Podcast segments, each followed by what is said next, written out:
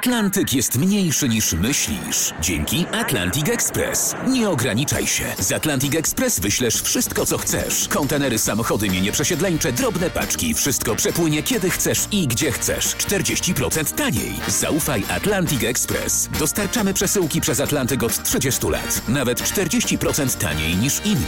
Dzwoń 1 800 775 73 63. Ekspresowo przez Atlantyk. Tylko z Atlantic Express.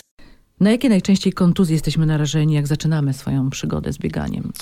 E, początkujący biegacze najczęściej narażeni są na e, kontuzje i urazy typu przeciążeniowego. E, najczęściej są to przeciążenia stawów kolanowych. E, do tych przeciążeń dochodzi dlatego, e, że początkujący biegacze nie mają doświadczenia i nie wiedzą, e, jaka intensywność jest dla nich odpowiednia i najczęściej biegają za dużo. To Czyli jest a jaki dystans jest taki bezpieczny na początek? E, najlepiej zacząć od biegu od kilometra, nawet nie biegu, a marszobiegu e, i stopniowo wydłużać ten dystans. A możemy się w jakiś sposób przygotować do tej większej aktywności fizycznej? Możemy, wręcz e, powinniśmy, ponieważ bieganie e, wydawać by się mogło, że jest bardzo prostą aktywnością, jednak e, bardzo mocno obciąża nasz e, układ mięśniowy i szkieletowy. Dlatego też warto e, wcześniej wybrać się na siłownię, ale nie samemu, e, tylko pod okiem jakiegoś wykwalifikowanego trenera personalnego czy osoby, która ma, ma na ten temat pojęcie. I dopiero po takiej lekcji możemy zacząć biegać? E, tak, e, natomiast jak już zaczniemy biegać, warto bieganie uzupełniać takim treningiem, e, czy na siłowni, czy w domu. Ale czy w takim razie y, biegać każdy może, w każdym wieku? Może, tylko tak jak wcześniej wspomniałem, należy się do tego biegania przygotować, przygotować nasze mięśnie po prostu. Przed bieganiem y, powinniśmy coś jeść? Tak, to jest kolejna istotna sprawa. E, Tylko należy pamiętać, żeby ten posiłek przed bieganiem zjeść około 2-3 godziny przed, e, raczej nie później.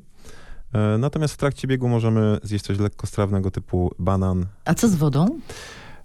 Woda jest, czy jakieś innego rodzaju płyny?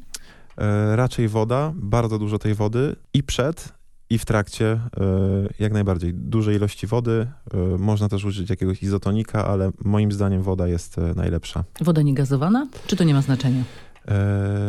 To nie ma znaczenia, natomiast ważne, żeby to była woda wysoko zmineralizowana, czyli ona jest z reguły gazowana. Przy bieganiu na pewno ważne jest też podłoże. Czy w takim razie mm, musimy wybierać odpowiednie buty? Nie zawsze możemy biegać sobie po lesie. E, Podłoże jest bardzo ważne, to po którym biegamy. E, Początkującym nie, pole, nie polecałbym biegania po asfalcie, raczej po, po miękkim podłożu i równym. E, Natomiast dla bardziej zaawansowanych polecałbym zmieniać podłoże, po którym się biega, ponieważ bieganie po asfalcie jest bardzo kontuzjogenne. Jeśli będziemy biegać po lesie w miejscach, gdzie, gdzie ten teren jest nierówny, to niejako przygotuje nasze stawy na, na obciążenia. A jakie objawy powinny nas zmusić do tego, żebyśmy przerwali ten trening?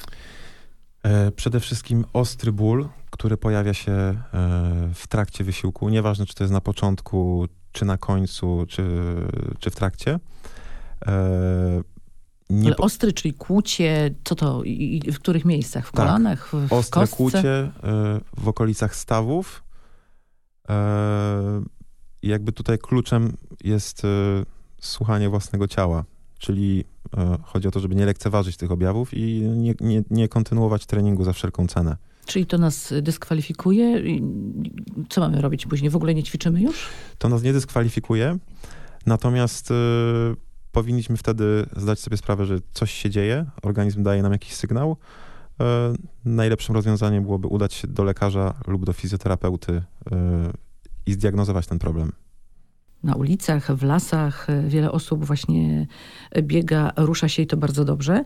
E, I na pewno spotyka się pan w tej chwili z osobami, które zgłaszają się do pana z różnego rodzaju urazami. Jakie to są najczęściej w tej chwili urazy? E, U tych osób, tak jak wcześniej wspomniałem, raczej dochodzi do przeciążeń, i, mm, które, są, które są wynikiem e, no, nieprzygotowania do aktywności. To jest bardzo częsty problem u ludzi, e, którzy uprawiają aktywność sporadycznie, czyli sezonowo. bieganie na wiosnę lub na przykład jazda na nartach w zimie, te osoby przez cały rok najczęściej siedzą za biurkiem, niestety, i nagle na zasadzie zrywu idą biegać lub, tak jak powiedziałem, w zimie jeżdżą na nartach i to jest, to jest główny problem. Czyli zalecałbym tutaj regularny wysiłek cały rok. Czy powinniśmy ćwiczyć, jedno z pytań też od naszych y, słuchaczek jest takie, czy powinniśmy ćwiczyć przed snem? E... Czy możemy ćwiczyć przed snem, może tak bardziej prawidłowo? Możemy, natomiast y, nie powinna to być aktywność y, intensywna, czyli sporty typu squash, te, które wymagają, e, które wyzwalają dużo adrenaliny, e, no nie będą tutaj dla nas korzystne. A dlaczego? E, będzie nam po prostu ciężko zasnąć. E, w konsekwencji gorzej się zregenerujemy po takim sporcie. Przed snem e, zalecałbym aktywność o niskiej intensywności, czyli spokojny bieg, trucht, jakiś spacer, jazda na rowerze, jak najbardziej pływanie. Natomiast wszelkie sporty, które sporty o dużej intensywności polecałbym raczej rano lub 4-5 godzin przed, y, przed snem. Dobrze, dziękuję pięknie.